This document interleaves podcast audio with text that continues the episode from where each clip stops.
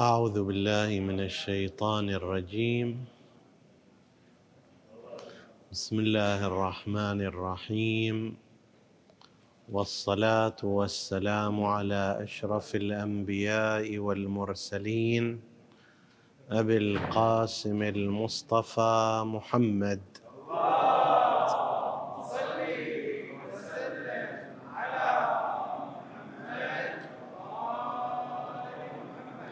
وعلى أهل بيته الطيبين الطاهرين المعصومين المكرمين.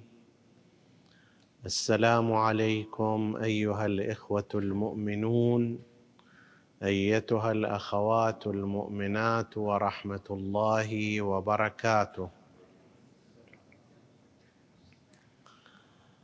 حديثنا هذا اليوم أيضا يتناول أحد الأمثال الخاطئة.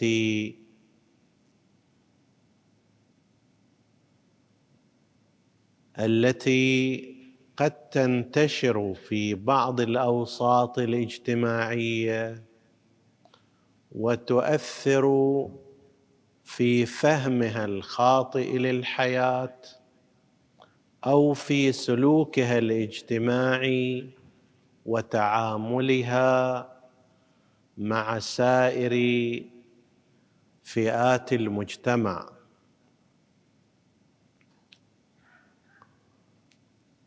نبهنا فيما مضى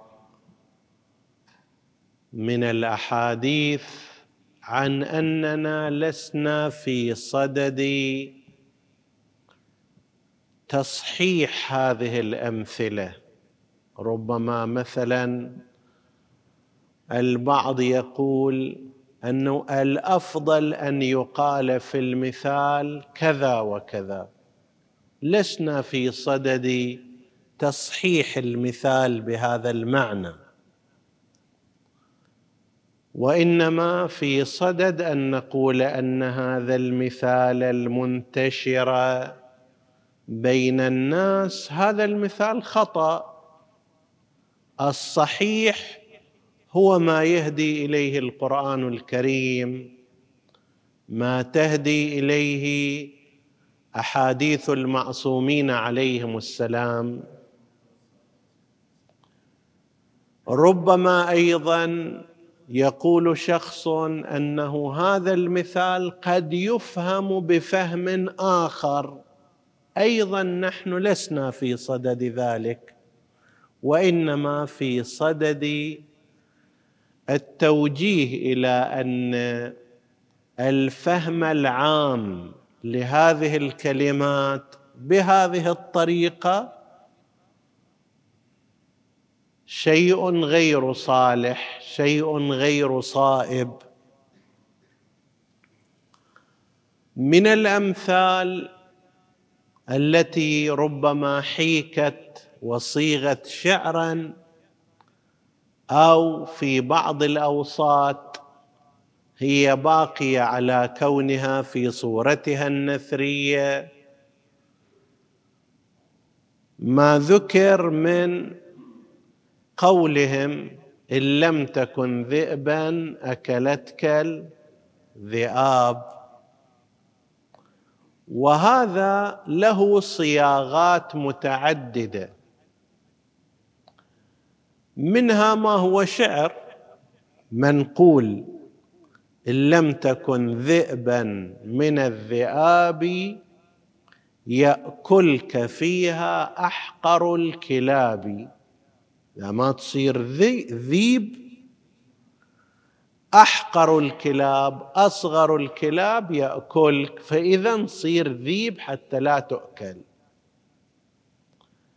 أو في صياغة أخرى قريبة منها شبيهه لها تغذى به قبل لا يتعشى بيك يعني بادره بمثلا الاعتداء بالضرب بالهجوم قبل لا هو يهجم عليك في وقت متأخر. هذا أيضا من نفس القماشة. من نفس القماشة من الأمثال البيت المعروف للشاعر الجاهلي زهير ابن أبي سلمى أو سلمى ومن لم يذد عن حوضه بسلاحه يهدم. ومن لا يظلم الناس يظلم شاهد في عجز البيت الشطر الأخير. من لا يظلم الناس يظلم. إذا أنت ما تظلم الناس الناس يظلمونك. فإذا الأفضل شنو؟ أن تظلمهم. في هذا البيت اللي هو جزء من إحدى المعلقات الجاهلية المشهورة معلقة زهير ابن أبي سلمى وهو شاعر كان قبل الإسلام ومات قبل بعثة رسول الله بسنة واحدة ومعروف كشاعر من كبار الشعراء الجاهليين له معلقة وكانت يقال لشعره الحوليات. يعني كل سنة يقول قصيدة واحدة. فأربعة أشهر مثلا ينظمها وأربعة أشهر يرتشها ويرتبها وإلى آخره. وأربعة أشهر يعرضها على غيره من الشعراء ثم بعد سنة ينشدها على عامة الناس من جملة حولياته هذه وهي للإنصاف في غير هذا البيت قصيدة قوية فيها مواعظ فيها حكمة حياتية. مثلا مما جاء فيها ومن يجعل ومن يك ذا فضل فيبخل بفضله على قومه يستغنى عنه ويذمم.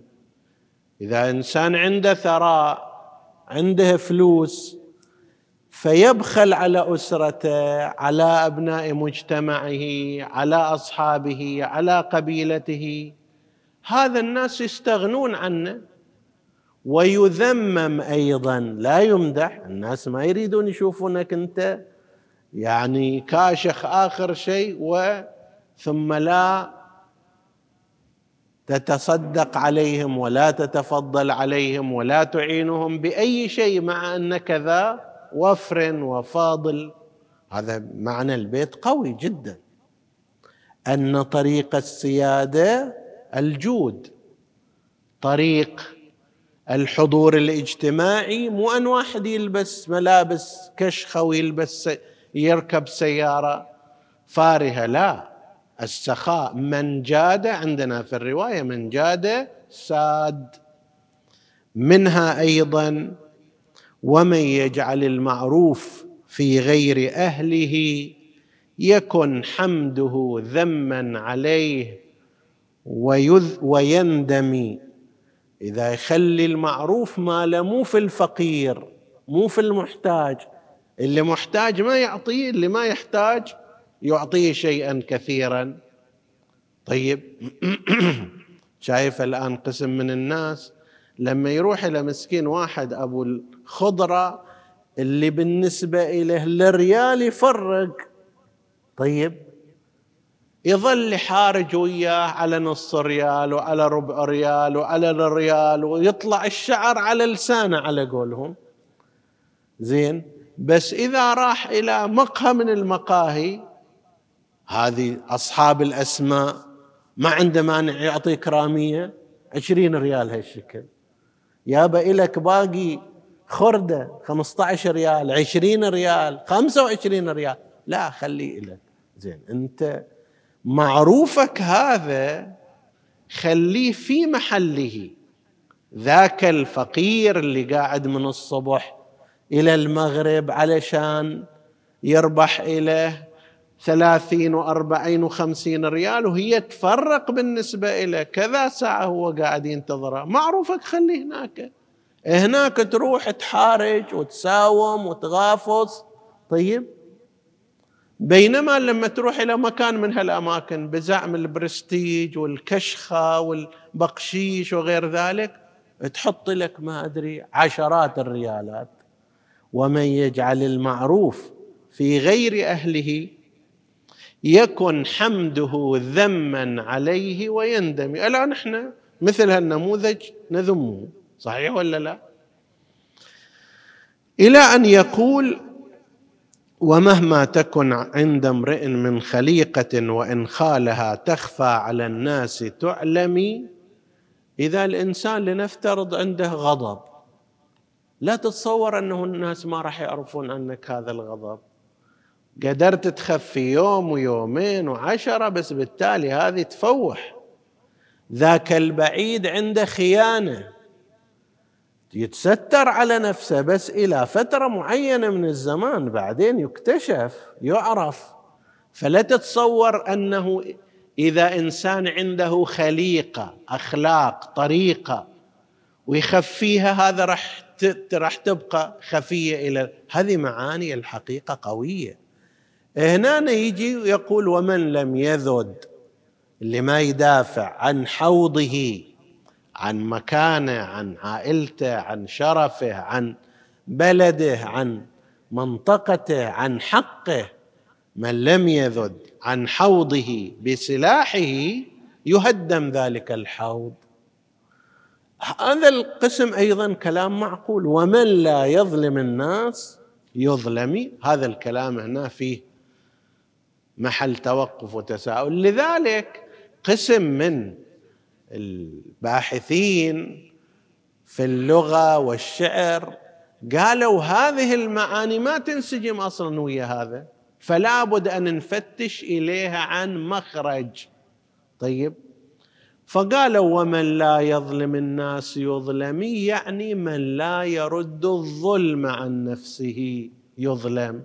ليش قال اذا من لا يظلم الناس؟ قالوا هذا يسموها في اللغة العربية المشاكلة. مثل فمن اعتدى عليكم فاعتدوا عليه بمثل ما اعتدى عليكم. أنتم ما قاعدين تعتدوا عليه. لما ترد الاعتداء واحد ضربك انت تضربه. هذه ضربتك اياه ليست اعتداء وإنما شنو؟ رد الاعتداء جزاء. بس ليش هنا نستخدم فمن اعتدى عليكم فاعتدوا عليه؟ قالوا للمشاكلة. هنا هم نفس الشيء من لا يظلم الناس يظلمي يظلم هناك في محلها بس من لا يظلم الناس يعني من لم يرد الظلم عن غيره. سواء كان هذا الكلام صحيح أو لم يكن صحيحا لم يكن صحيحا بأي اعتبار باعتبار يقول لك هذه هل فكرة عند العرب كقبائل هي فكرة موجودة. شغلهم كان على الغزو والقتال والسيف وأنه لازم يكون الواحد مرهوب الجانب حتى لا أحد يجي يعتدي. كيف يصير مرهوب الجانب؟ يروح يعتدي على الآخرين يأدبهم يكسرهم حتى لا أحد يطمع فيه. يتغذى بهم قبل ما يتعشون به فيقول لك هذا هالكلام منسجم مع الحالة العربية. في تلك الأزمنة زمان الجاهلية كانت طريقة وطبيعة العرب تعيش على هذا الأساس. فلما يجي مثل هذا الشاعر ويقول من لا يظلم الناس يظلمي كأنه ضمن نفس هذه البيئة والثقافة التي يعيش فيها إنه نعم أنا إذا ما أتغدى بيهم يتعشون بي. إذا ما أأدبهم قبل سيعتدون علي فيما بعد. إذا ما أبادرهم بالضربة هم راح يضربوني. فإذا هذه ضمن الفكرة العامة الثقافية الموجودة عند العرب هو أيضا هذا واحد من العرب جاء وقالها. كما قلت سواء كان التبرير لكلامه وأنه ليس مقصودا منه هذا الكلام وإنما مقصوده من لم يرد الظلم سوف يظلم كما قال به بعضهم أو كان لا. هذا المعنى هو اللي يريده. وأنه يعيش ضمن جو ثقافي وبيئة عربية قبل الإسلام أدمنت الغزو. أساسا بعضهم يفتخر أنه أنا ما آكل إلا من وراء سيفي. أحمل على هالقبيلة هذه واغنم الغنائم الإبل والشاء وسائر الأمور فأنا مركز رزقي هو السيف مالي. طبعا هذا من الناحية الدينية غلط وحرام شرعا. لكن هذا كان بالنسبة إلى قسم في ذاك الوقت قبل الإسلام مصدر فخر. على أي حال هذه الفكرة موجودة عند قسم من الناس. إن لم تكن ذئبا أكلتك الذئاب. بين قوسين الذئب في الثقافة العربية جدا سيء. يعني المثال للذئب علامة على الخيانة على الفتك على كذا. و لذلك تجي الأمثلة الشكل مع أنه في بعض الدراسات في علم الحيوان تخالف هذا تماما. ويعني حسب التعبير تنصف الذئب عن هذه الصورة الموجودة التي تشير إلى أنه خائن إلى أنه كذا. هذا مو بحثنا لكن اجمالا هذا المثال منتشر أيضا متأثر بهذه البيئة إن لم تكن ذئبا أكلتك الذئاب. هل هذا يصح؟ الجواب على ذلك كلا. عندنا في الشريعة الإسلامية في التوجيه الديني أنه حتى إذا علم إنسان أن زيدا سوف يهاجمه مثلا المغرب لا يجوز له أنه الآن يروح يهجم عليه الصباح. ليش؟ لأن هذا يكون من باب العقوبة قبل الجناية.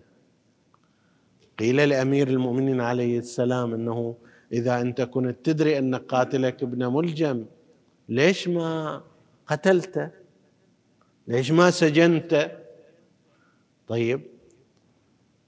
فالإمام عليه السلام يقول لهم كيف أقتل شخص قبل الجناية؟ أقول له أنت شهر رمضان بتقتلني فإحنا ما دام في محرم خلنا نخلص عليك. ممكن هذا ذاك الوقت ما يصير علي بن أبي طالب. يصير واحد من هالحكام الموجودين في العالم الإسلامي اللي يأخذون بالتهمة ويعاقبون على الظنة. لكن عليا يأبى ذلك. اتعشى بي اتغدى بي قبل لا يتعشى بيك. هذا منطق غير صحيح. المنطق الصحيح لا تظلمون ولا تظلمون. ما مسموح لك أن تخلي أحد يظلمك. الله سبحانه وتعالى كما في الرواية أوكل إلى عبده المؤمن كل شيء ولم يوكل إليه أن يذل نفسه. أنا أقبل أن واحد يظلمني ويأذيني ويذلني ويأخذ حقي. لا ما مسموح لك هذا. شرعا غير جائز.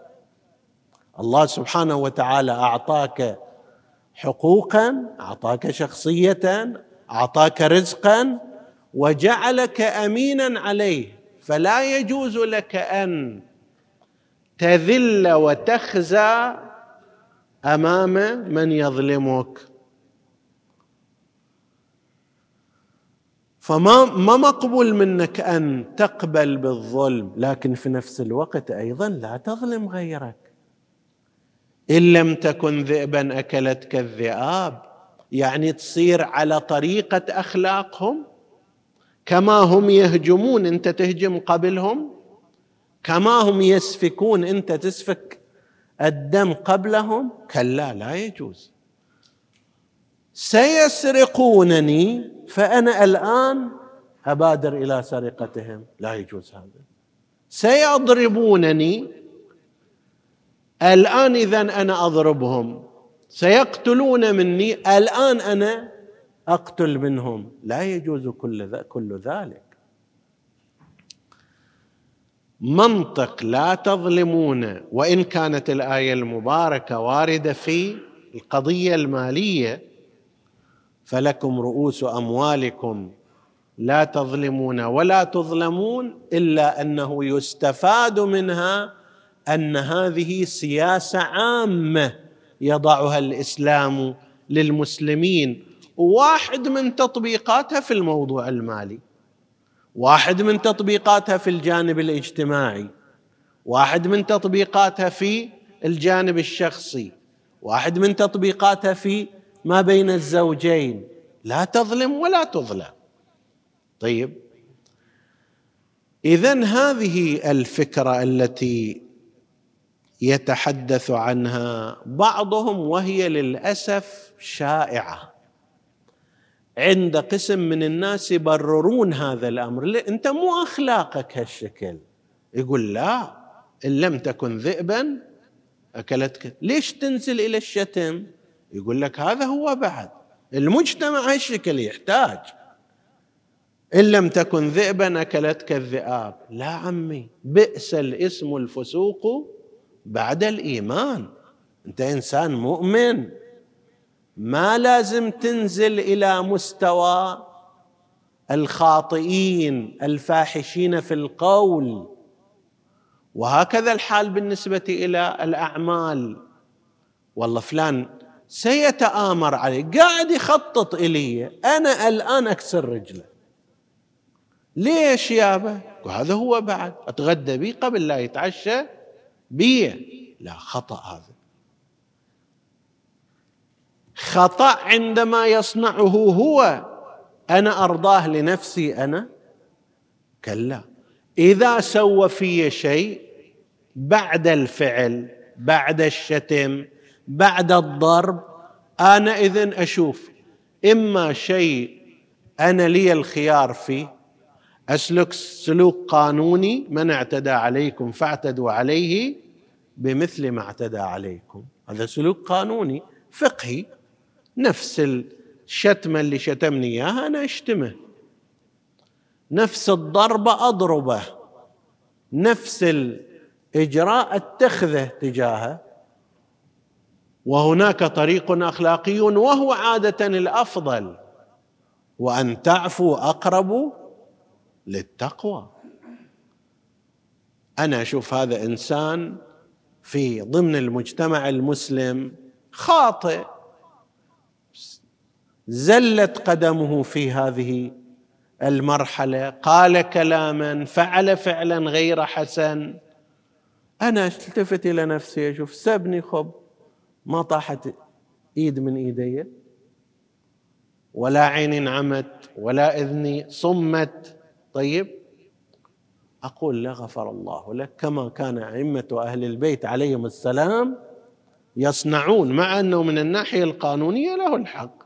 لكن اللي يجي يسب الإمام قانونا فقها للإمام الحق أن يرد عليه نفس الكلام. ولكن هل وجدتم اماما من الأئمة المعصومين عليهم السلام يفعل هكذا؟ أو أنه أو أنهم كانوا في الغالب يعفون ويسمحون. ويكون هذا أيضا طريقا لهداية أولئك الناس.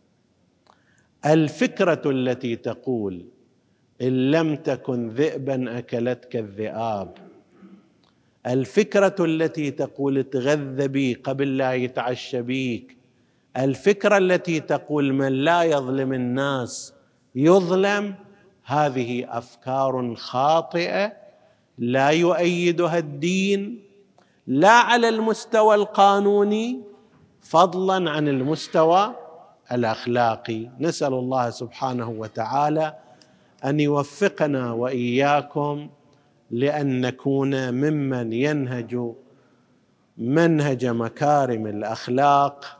إنه على كل شيء قدير. وصلى الله على سيدنا محمد وآله الطاهرين.